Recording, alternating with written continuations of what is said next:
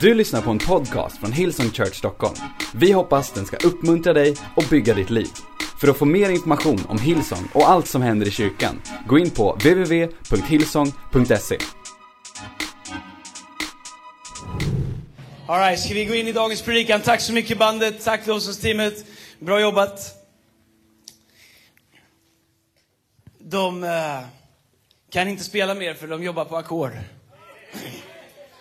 Den var bara för Göteborg, alright? Det var ingen i Stockholm som fattade den. Vi har ju campus här i Stockholm city, i, i norra Stockholm, södra Stockholm, i Jönköping, i Örebro och i Göteborg. Och ibland så måste man bara bli en göteborgare för göteborgarna. All right? All right. Och vi är väldigt glada för möjligheten eh, att kunna vara online. Jag är väldigt tacksam till våra team, alla ni som tittar på det här. Eh, jag vill bara att ni ska veta vilket otroligt team vi har som på kort varsel har dragit ihop en produktion som jag tycker är världsklass. Och, eh, därför att ingenting kan hindra oss från att få ut de goda nyheterna. Och om det är någonting som vi behöver mer än någonsin så är det ett budskap av hopp.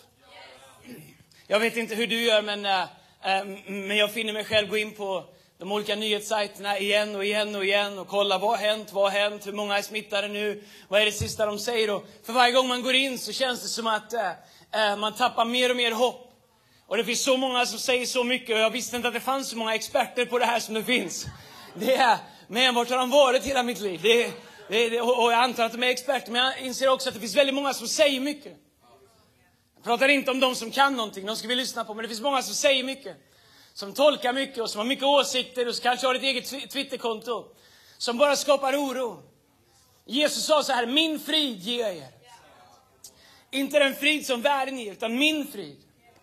Det innebär att du kommer inte hitta frid i att konstant fylla dig själv med bara negativa eh, saker. Genom att bara lyssna på eller titta på allt det negativa som kommer ut. Utan du kommer hitta det genom att bestämma dig. Givetvis att söka bra information och se till att du, att du vet vad du behöver. Men se till att, att, att, att media inte bara är där du hämtar din information ifrån.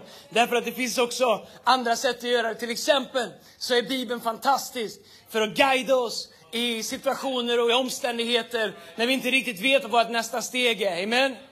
All right. Jag fick en fråga för ett tag sedan. Det var någon som frågade mig, Andreas, vad är det du vill? Och vad är det ni vill med er kyrka egentligen? Det är ju en väldigt bra fråga. Det är, det är ändå det är värt att tänka på. Vad är det vi vill? Tusentals människor samlas i Hillsong i, i Sverige varje vecka. Uh, över hundratusen samlas i någon av våra 30 kyrkor runt om i hela världen. Eh, kanske ännu mer, 120-130 000. V vad är det vi vill? Är, och vi är inte den enda kyrkan som finns. Vad är det vi vill med kyrkan? Och vad är det som är meningen med det vi gör? Jag hör så många prata om att Gud inte finns. Jag hör så många som säger att kyrkan finns knappt i vanliga svenskars medvetande. Att människor inte ser kyrkan som en lösning förrän man drabbas av en katastrof i livet. Kyrkan är fantastisk när det är katastrof. Jag pratar inte om dagsläget. Men vet du vad? Kyrkan är otroligt viktig i livets alla olika säsonger. Men om det är så att folk inte riktigt förstår värdet av tro, värdet av kyrka, så är det inte, då kan man inte skälla på människor för det. Då måste jag fråga mig själv, vad är det vi behöver göra för att människor ska förstå? Om det är så att jag tycker att vi har världens bästa nyheter, om det är så som jag tror, att de är tillgängliga för alla människor, att alla människor behöver dem, då måste jag fundera på vad kan jag göra mer för att människor verkligen ska förstå det. Kalla mig gärna naiv, men jag tror att en anledning till att vi har startat en kyrka som heter Hillsong, det är för att ändra det. För att människor ska förstå att det finns en Gud som är god. En Gud som är för människor. En Gud som inte är arg på människor. En Gud som är på människors sida. Men hur ska det här ske? Hur ska människor kunna se Gud? Hur ska människor kunna få tag i hopp? I en situation där allt känns så hopplöst. Vad, vad har vi att ge hopp? På vilket sätt kan vi göra det? Jag läste Bibeln lite det senaste och det finns något som jag ofta har pratat om i våran kyrka. Jag är inte sjuk, det är bara väldigt mycket rök här uppe. All right. uh, kanske vi kan ha lite mindre. Välkomna hem till oss. All right. Det är söndag kväll och rökmaskinen är på. Jag måste dricka lite vatten. All right. Well, fantastiskt. Jag hoppas ingen, hoppas ingen har druckit av det här vattnet nu. Jag vet inte om vi får skämta om sånt där. Hur ska det kunna ske? Och jag funderar på tre saker. Tänk om alla skulle bry sig. Om alla som säger att Gud finns och att Gud är god. Om alla som säger att de har en tro på Gud, alla vi. Gärna alla. Men framförallt de, vi som säger att vi tror på Gud. Tänk om alla skulle bry sig. Tänk om alla skulle bestämma sig för att bidra. Och tänk om alla skulle bestämma sig för att introducera människor till Jesus. Jag kan inte debattera någon till tro. Jag kan inte vinna över människor över till tro genom att debattera. Men jag kan visa dem vem Gud är genom mina gärningar. Jag kan visa människor vad Guds kärlek är genom det sätt som jag bestämmer mig för att älska andra människor. Genom det sätt som jag bestämmer mig för att förlåta de som kanske inte förtjänar förlåtelse. Genom det sätt som jag bestämmer mig för att sträcka ut en hand till de människor som jag kanske inte ens har någonting med att göra. Genom att ta ett steg över ensamhet och isolation och bestämma mig för att, för att faktiskt ge någonting utan att förvänta mig att få någonting tillbaks därför att det finns någonting på insidan som driver mig. I Efesierbrevet kapitel 2, vers 10 så står det så här. Paulus skriver, ty hans verk är vi, skapade i Kristus Jesus till goda gärningar som Gud har förberett så att vi ska vandra i dem. Så Paulus, aposteln Paulus som har skrivit två tredjedelar av Nya Testamentet, han säger att vi är skapade i Kristus Jesus, av Kristus Jesus. Och vi är skapade eh, till vad då? Till goda gärningar. Du är gjord för att göra gott. Meningen med men vårt liv nu när vi har hittat Gud är att vi ska göra gott för andra människor. På ett annat ställe så står det så här, när världen, det, det, Bibeln kallar ofta de som inte tror för världen, eller när människor ser hur vi älskar varandra och hur vi älskar andra, så ska de förstå att Gud har sänt oss. Jag tänker ibland att vi inte har gjort ett bra jobb med det. Men faktum är att det är kärleken som är skillnaden. Att det är kärleken som gör det annorlunda. Att det som Paulus talar om i första Korinthierbrevet kapitel 13 om kärleken. Allt tror den, allt hoppas den, allt uthärdar den, allt gör den. Hur skulle våran värld se ut om det fanns mer kärlek? En del säger Andreas, hur kan världen se ut som den gör om det finns en Gud? Hur kan det finnas krig, hur kan det finnas svält, hur kan det finnas allt som finns ondska?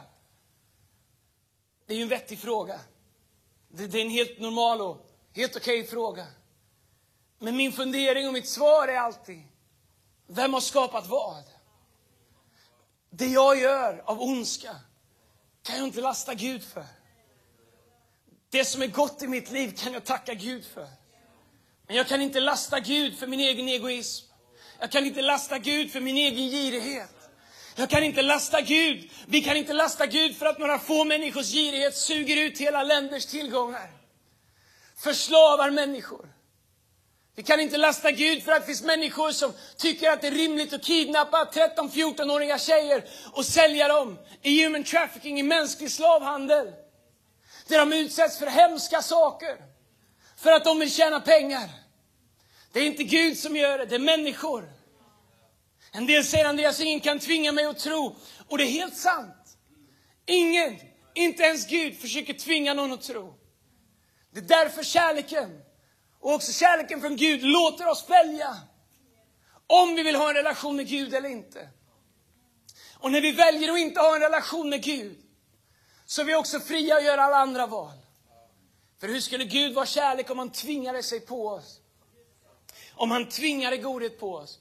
Om han tvingade oss till att följa honom och tro på honom och älska honom. Ingen relation som bygger på tvång är hälsosam. Ingen äkta kärlek bygger på att någon part tvingar sig på den andra.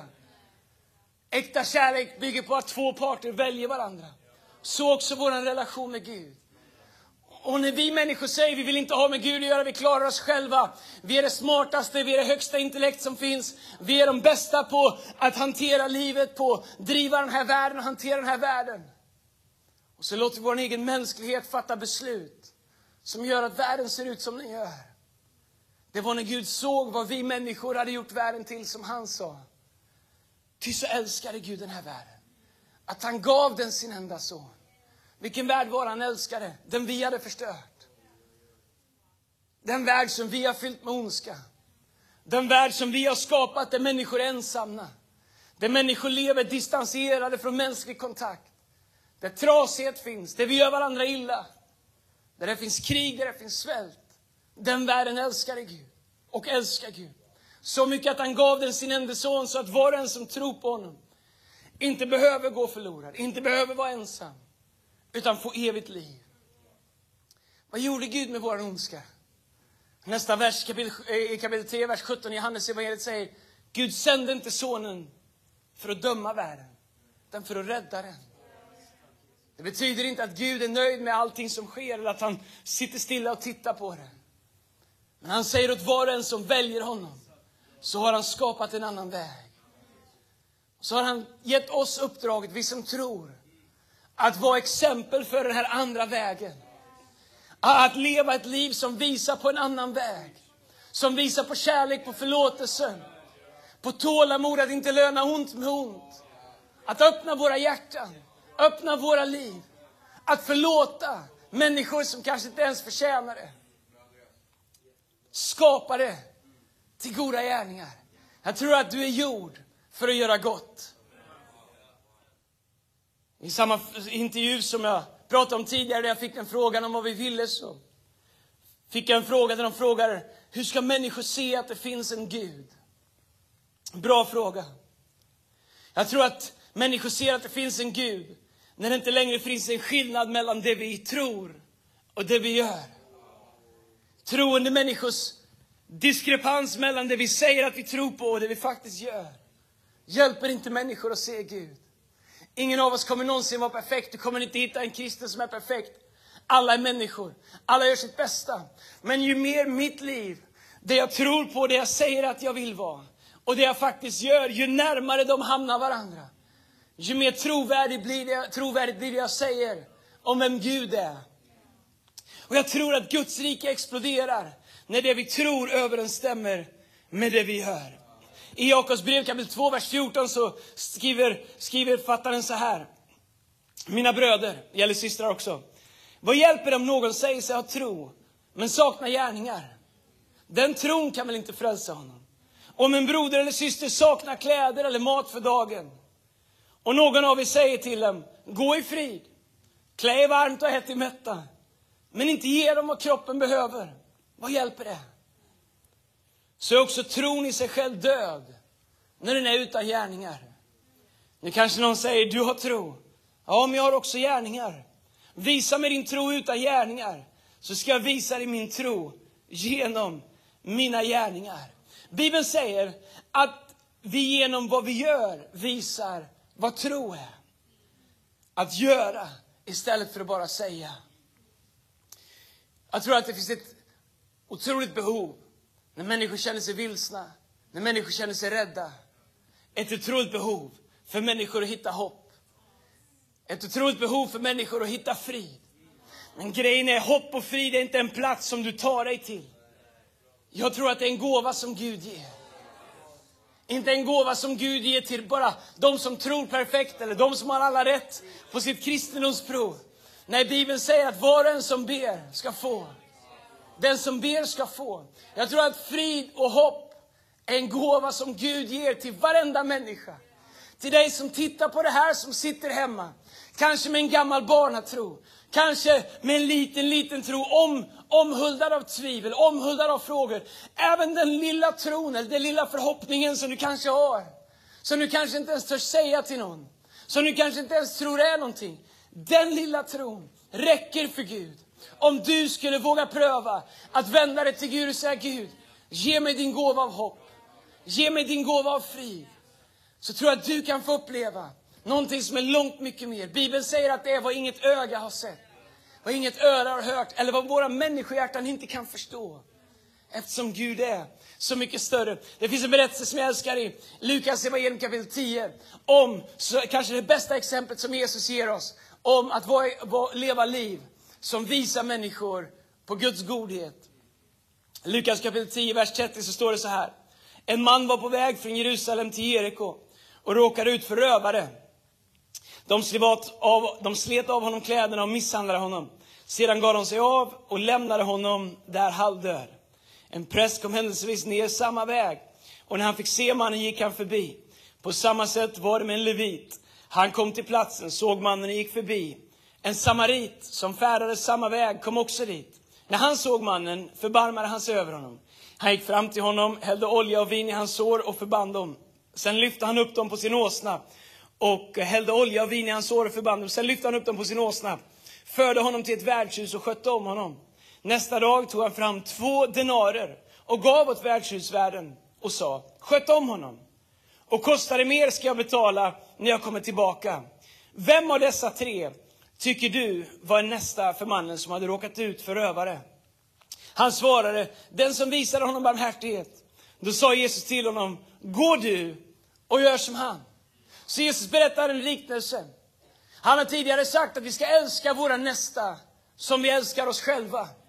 Kanske ett stort problem i vårt samhälle är med att älska våra nästa som oss själva är att väldigt få av oss älskar oss själva.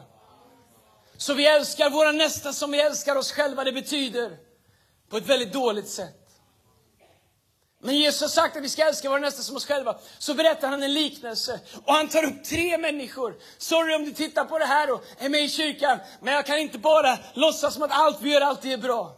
Ibland måste vi också bara fundera på hur kan vi förstå ännu mer? Hur vi kan vara en reflektion av vad Gud har kallat oss till. Därför att det finns människor som längtar efter hopp. Och Gud har gett oss uppgiften att administrera det hoppet. Så en man vi gjorde en kidsvideo. Om du har barn så kan du gå in på hillsong.se play, inte nu men senare, och kolla på en speciell eh, kidsvideo som jag har gjort till alla barn.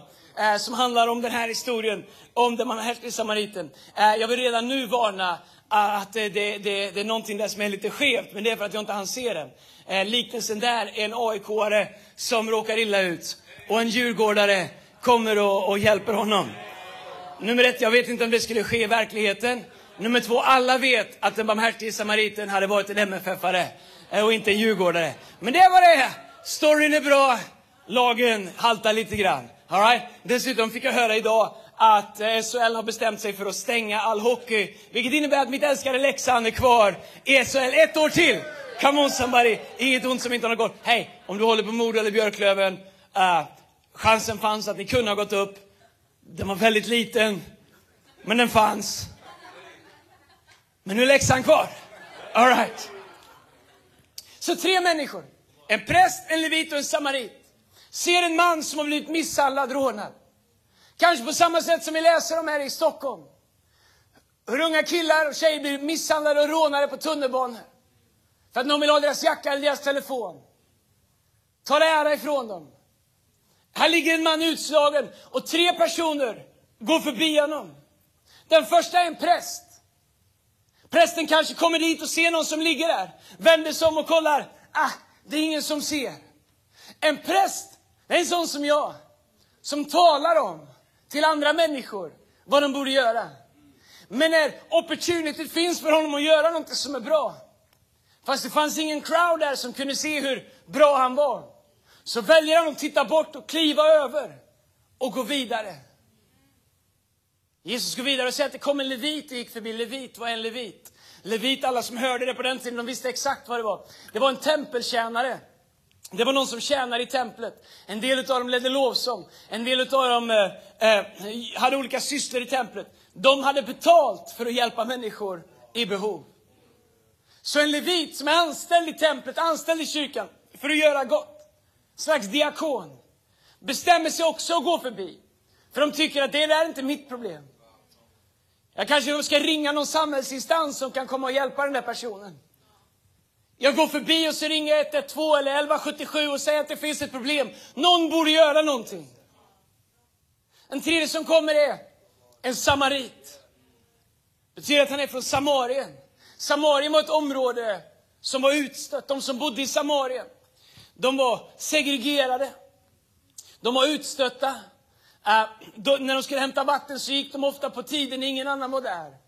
De var lågt ställda i klassamhället, lågt ställda i, i, i samhället vad det gäller eh, hur människor såg på dem. Förtryckta. Ofta om en sam samarier visade sig bland andra människor själva kunde de bli misshandlade eller eh, människor gjorde dem illa på olika sätt. Man såg ner på dem. Men den här samarien som kommer och ser den här mannen ligga där. Han är den enda som mänskligt sett inte har någon anledning att stanna. Han är en person som garanterat har varit utsatt för rasism, förtryck, segregering, mobbing utav sådana som han som låg där misshandlad. Det hade varit rimligt för honom att säga, du kan ligga där, så där har jag legat många gånger, när ni har fått tag i mig. Men Jesus säger att den här samarien stannar vid honom. Han gör det, leviten som hade betalt för att göra det. Han gör det han inte gjorde. Han gör det, prästen som predikar om att göra det. Det prästen inte gjorde. Men jag försöker inte ge präster ett bad rep. De flesta är fantastiska. Det här är bara en story, right? Men han gör det ingen annan gjorde. Kanske många andra hade gått förbi honom den där dagen. Han bestämmer sig för att böja sig ner och ta upp honom, lägga honom på en åsna, ta honom till ett värdshus, lägga in honom där, hälla olja i hans sår, tvätta hans sår. Han måste resa vidare, men han tar pengar han ger till den som har värdshus och säger, hej jag kommer tillbaka om några dagar. Och om det här inte räcker för att du ska sköta om honom så får du mer när jag kommer. Och Jesus frågar, vem av de här tre var nästa för den som hade blivit utsatt? Och de svarade, den som visar honom barmhärtighet. Och Jesus sammanfattar kristen tro när han säger, gå du och gör som han. Jag på några saker, jag skrev ner några saker. Ibland har vi punkter, nu har jag sju stycken, får se hur många vi hinner. Nej. Några saker från den här berättelsen. Några saker om den barmhärtige samarien, eller barmhärtige samariten. Nummer ett, han dömde inte han som var i behov. Det är så enkelt för oss att titta på någon som är utslagen, titta på någon som är full av rädsla, titta på någon som inte är som oss, titta på någon vi stör oss på, någon på sociala medier som vi stör oss på och tänka att han är inte som mig.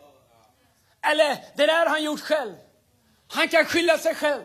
Han skulle aldrig ha gjort det, hon skulle aldrig ha gjort det. Men den barmhärtige samarien, han bestämde sig för att inte döma den som låg där. Utan han bestämde sig för att hjälpa honom som var där. Om du tror på Gud så är inte ditt jobb att döma människor. Ibland har vi gjort ett alldeles för bra jobb med att döma människor. Men Jesus sa när han ställde sig fram för en kvinna, som de sa hade begått äktenskapsbrott. När männen ville stena henne, som fortfarande sker i vissa kulturer så ställer sig Jesus mellan männen och den här kvinnan. Och han säger, den av er som är utan synd kan kasta första stenen. Man hör hur stenarna faller och alla går därifrån. Och Jesus vänder sig mot kvinnan och hon är övertygad om att nu kommer min dom. För hon visste att hon hade gjort fel. Men Jesus säger, inte heller jag dömer dig. Vårt jobb är inte att döma människor. Vårt jobb är inte att analysera varför de är där de är. När vi jobbar med utslagna, hemlösa, missbrukare eller människor som kastar bort livet, som begår misstag som får stora konsekvenser, så är inte vårt jobb att döma människor. Vårt jobb är att lyfta upp dem på våran åsna och ta dem till en plats där de kan få hjälp.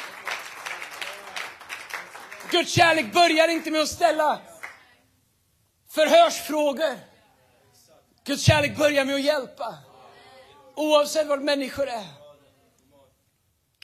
Det andra som jag ser, det är att han använde, alltså Samarien, han använde inte sina egna problem som en ursäkt. Det hade varit enkelt för honom att säga, jag skulle kunna hjälpa dig, men jag har egna problem. Faktum är att om någon ens ser mig här med dig, som inte är av min släkt, som inte är av mitt folk. Om någon ser mig med dig på min åsna så kan de tro att det är jag som har gjort det och jag blir dödad. Han kunde ha sagt, jag är också utsatt. Jag har varit det du är. De har misshandlat mig också, jag är också missförstådd.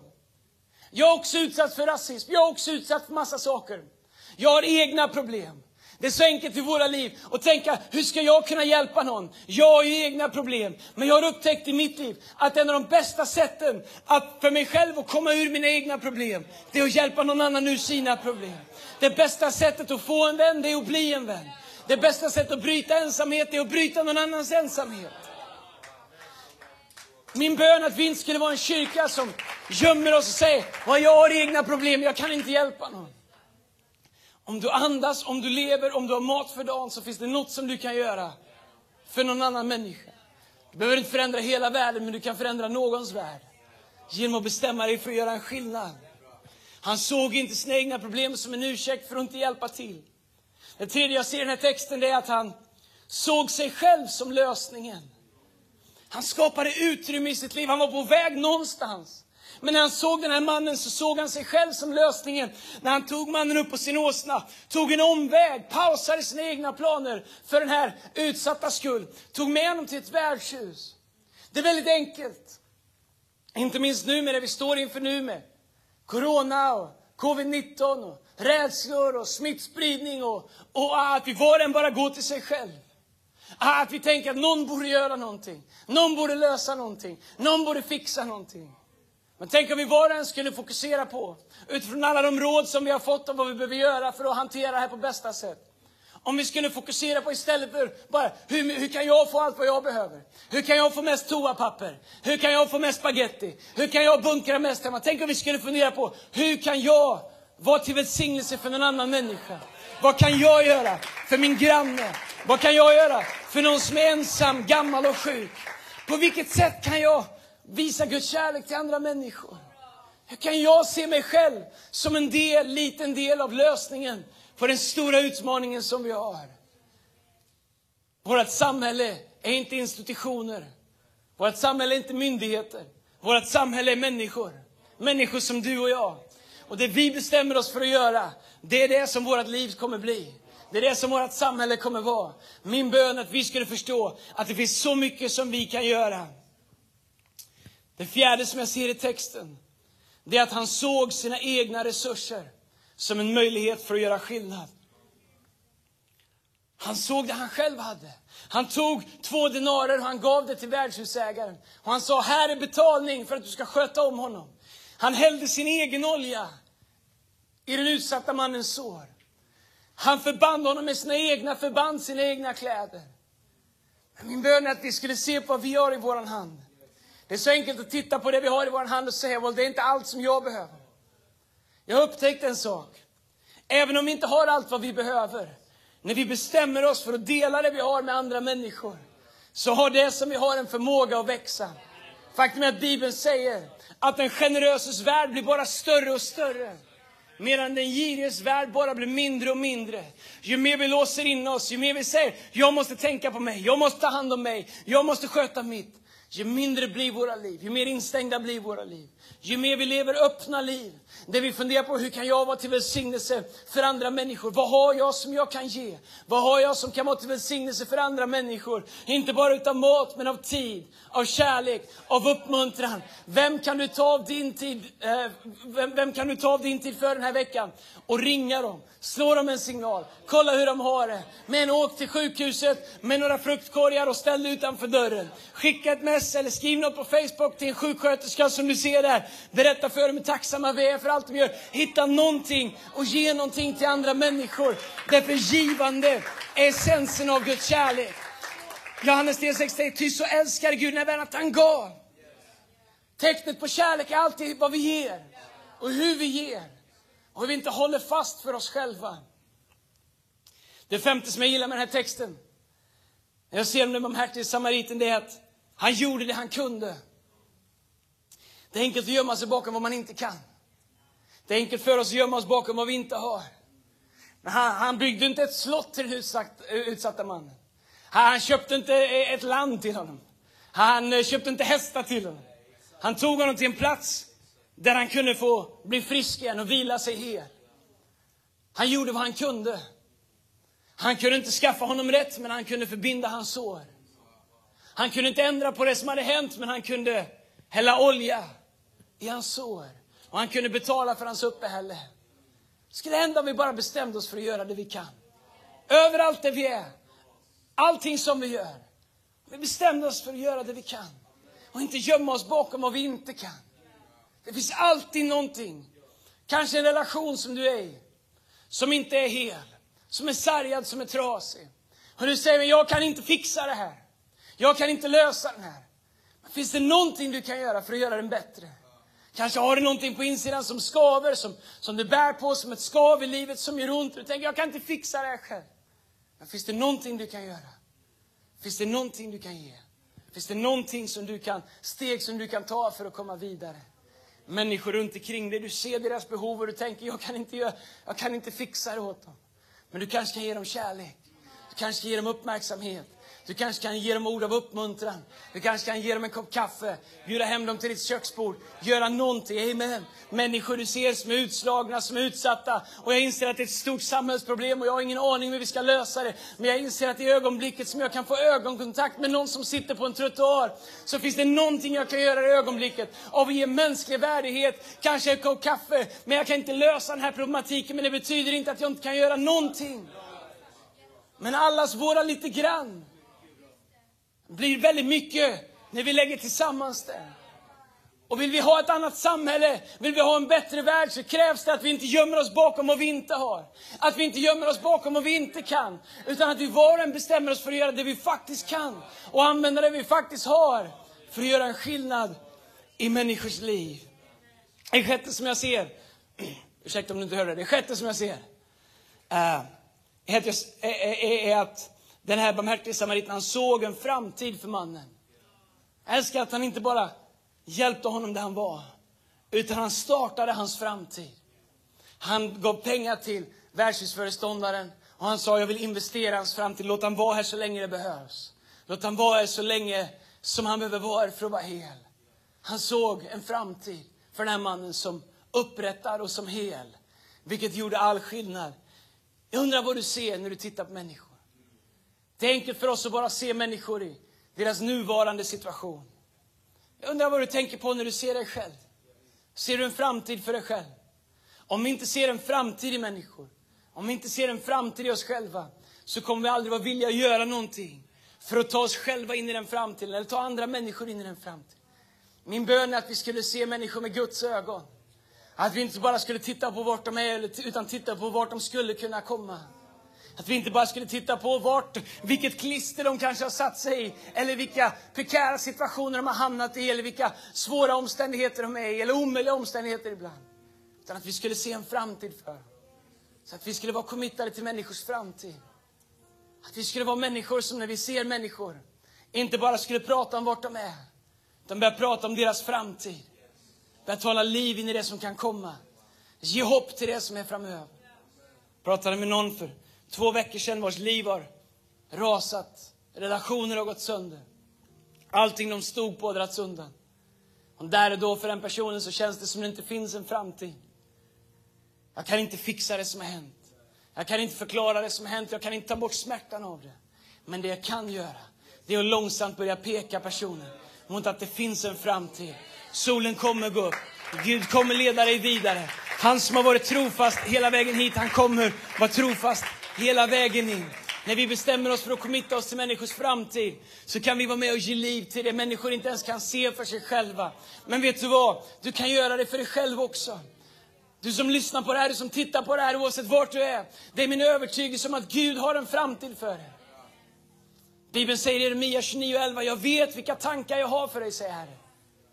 Nämligen tankar om en framtid och ett hopp. Fridens tankar. Gud har tankar om din framtid. Kanske verkar det som allting i ditt liv har gått dig emot. Kanske verkar det som ingenting i ditt liv funkar. Kanske verkar det som alla dörrar stänger. Min bön är att du skulle sluta titta på alla stängda dörrar. Och att du skulle lyfta din blick mot Gud och säga Gud, visa mig den väg som du har för mig. Visa mig den väg som jag inte kan se. Och det är min övertygelse att i det ögonblick som du gör det så kommer du se att det finns en väg som inte syntes innan. Men när du börjar tro att Gud är den han är och kan göra det han gör så kommer Gud visa dig att han har en framtid och ett hopp för dig. Den här världen definierar människor utifrån vad de är. Vi definierar varandra utifrån vilka vi är. Men Gud han ser alltid på oss som vilka vi kan bli. Det är därför som Guds kärlek är så fantastisk, villkorslös och oändlig. Därför att när Gud ser oss i vår mänsklighet så ser han oss inte bara som vi är. Utan Gud han ser oss som vi skulle kunna bli. Och han älskar oss redan nu. Men han är committad till att leda oss in i allting som han vet att vi kan bli. Var och en utav oss. Det sjunde och det sista som jag ser i den här texten, det är att den barmhärtige samariten, han gjorde Gud mänsklig till den utsatta. Han gjorde Gud till människa. För den där personen som var där, utslagen, så var den barmhärtige samariten den närmsta Gud som han kunde få se den där dagen. Den barmhärtige samariten bestämde sig för att göra Gud mänsklig. Vad skulle hända om vi bestämde oss varje dag för att göra Gud mänsklig? För att låta Gud få ta plats i våra liv. Börja varje dag med att säga Gud, hur kan jag idag göra en liten skillnad i någon människas liv? Hur kan jag genom mitt sätt att leva, genom mitt sätt att behandla andra människor, genom mitt sätt att se det bästa i andra människor, ta fram det bästa i andra människor, tala hopp till människor. Dra människor ur ensamhet och isolering. Hur kan jag låta Gud få bli synlig på ett mänskligt sätt? Vi ser inte Gud med våra ögon, men vi kan se Gud genom Guds kärlek, genom vanliga människor. Sådana som dig, sådana som mig. Ofullkomliga, fulla av brister fulla av tillkortakommande. Men ändå här för att göra en skillnad. Han gjorde Gud mänsklig. I Johannes kapitel 1, vers 14 så står det så här. Och ordet blev kött och bodde bland oss. Och vi såg hans härlighet. Den härlighet som den enfödde har från Fadern. Och han var full av nåd och full av sanning. Kolla här, det sista. Vad det står i Johannes kapitel 1 vers 14 i, i, i den engelska översättningen, the message. Jag gillar den här översättningen. The word became flesh and blood and moved into the neighborhood. We saw the glory with our own eyes, the one of a kind glory, like father, like son, generous inside and out, true from finish to start. Det står, the word became flesh and moved into our neighborhood. Det står om Jesus när han föddes, det står att Jesus, ordet, blev kött och flyttar in i vårt neighborhood, i vårt område.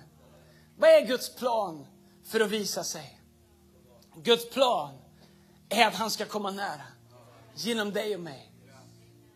Vi lever i en tid i världen när vår värld behöver kärlek. Vår värld behöver hopp. Vår värld behöver frid. Min utmaning till var och en av oss, det är att vi skulle bestämma oss varenda dag för att vara bärare av goda nyheter, bärare av hopp. Att vi skulle vakna på morgonen med våran radar på, precis som den barmhärtige samariten gjorde, och tänka, vem kan jag hjälpa? Vem kan jag göra en skillnad för idag? Vem kan jag beröra med Guds kärlek idag? Genom mina mänskliga handlingar, genom mina, mina vardagliga, min vardagliga action. För dig som är med i vår kyrka, även om vi inte kan samlas på söndagar, så ska du veta att vi, har, vi kommer jobba med allt sätt vi kan. För att göra allt vi kan för att betjäna människor under veckorna, genom smågrupper, genom alla möjliga olika initiativ som vi har. Om det finns någonting som vi som kyrka kan göra för dig, så är det min bön att vi skulle få chansen att visa dig Guds kärlek, vare sig du är en del av vår kyrka eller inte. Om det finns något vi kan hjälpa dig med, så tveka inte att höra av dig till oss på hilson.se play. Men jag undrar om du som tittar på det här idag, om du har upplevt den här kärleken. Om du har upplevt hur det är när Gud stannar till hos dig. På samma sätt som den barmhärtige samariten stannade hos den här mannen. Så vill Gud stanna till hos dig.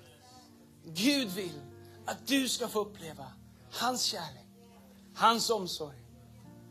Om du har vuxit upp och kanske hört om Gud och det du har lärt dig är att det finns massa saker du inte får göra. Det finns massa saker som du måste fixa i ditt liv.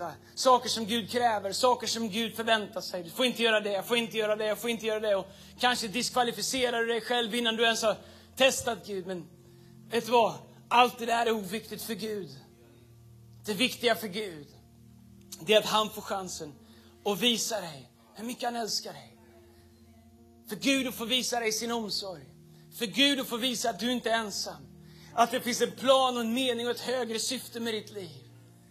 Att Gud, han säger i Bibeln att redan innan du föddes så hade Gud en plan för dig. Du är inte bara här för att leva några år och ta upp lite space och sen försvinna.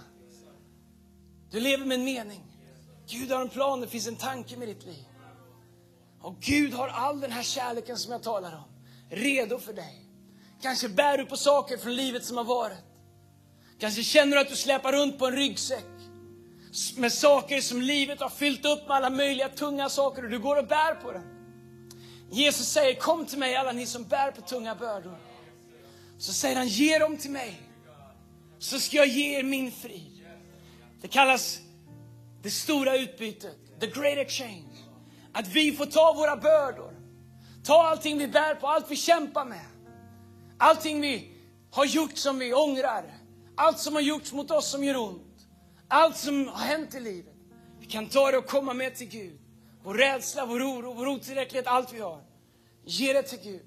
Och i utbyte så ger Gud oss sin förlåtelse, sin villkorslösa kärlek, sitt hopp och sin frid. Det stora utbytet. Religion säger att du måste skärpa dig, att du måste sköta dig, att du måste förstå. Jesus säger kom till mig. Bara kom till mig.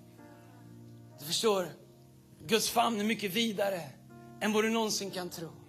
Och även du som tror att du inte platsar in eller tror att din tro inte är tillräckligt stor eller stark. Det krävs bara som ett senapskorn, säger Bibeln. Som minsta lilla gnutta tro. Det är allt Gud behöver. Ta med dig dina tvivel, ta med dig dina frågor, ta med allt du inte förstår. Men Bibeln säger att om någon människa öppnar sitt hjärta. Bibeln pratar om vårt hjärta som att det har en dörr. Så säger Bibeln att Jesus står utanför vårt hjärtas dörr. Om någon människa öppnar sitt hjärtas dörr så kommer Guds kärlek komma in. Jesus kommer aldrig tvingas in. Guds kärlek är inte påtvingad, den är inte forcerad. Det är upp till var och en att välja. Men Bibeln säger att om vi väljer att öppna våran dörr, kanske bara lite grann, kanske du eh, inte ens förstår fullt ut vad det är, eller du känner jag vet inte om jag kan det här, eller om Gud ens vill se vad som finns på insidan. Men om du bara öppnar din dörr så säger Bibeln att Gud kommer till dig, no questions asked, inga frågor. Gud möter dig som du är, där du är. Gud vet allt om dig. Allt du gömmer för andra människor vet han. vet allt om dig, ändå älskar han dig villkorslöst och fullständigt. Och han längtar efter ett opportunity att få bli verklig för dig och få komma in i ditt liv och visa vem han är. Att du inte ska vara ensam, att du inte ska leva utan hopp, utan att du ska leva med tro på att det finns en Gud som alltid är med dig och som aldrig lämnar dig. I Jesu namn. Jag ska be en bön. Om du skulle vilja uppleva det här, du skulle vilja öppna ditt hjärtas dörr, där du sitter just nu, kanske själv eller kanske tillsammans med andra.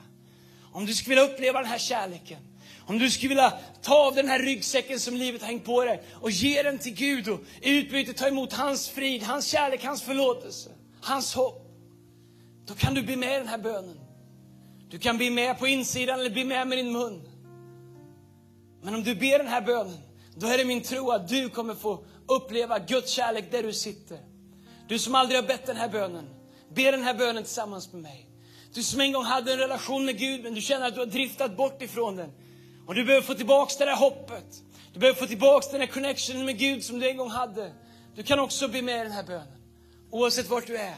Be tillsammans med mig om du vill uppleva det här idag. Tack Jesus. Att du älskar mig. Jesus kom in i mitt hjärta. Förlåt mig min synd. Jag lämnar min börda till dig.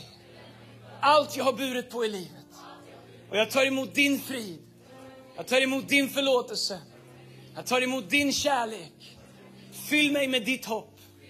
Tack att från och med idag är jag din och du är min. Använd mig Gud för att ge den här kärleken vidare till andra människor. Tack att ingenting kan skilja mig från dig. I Jesu namn vi ber. Och allihopa sa Amen.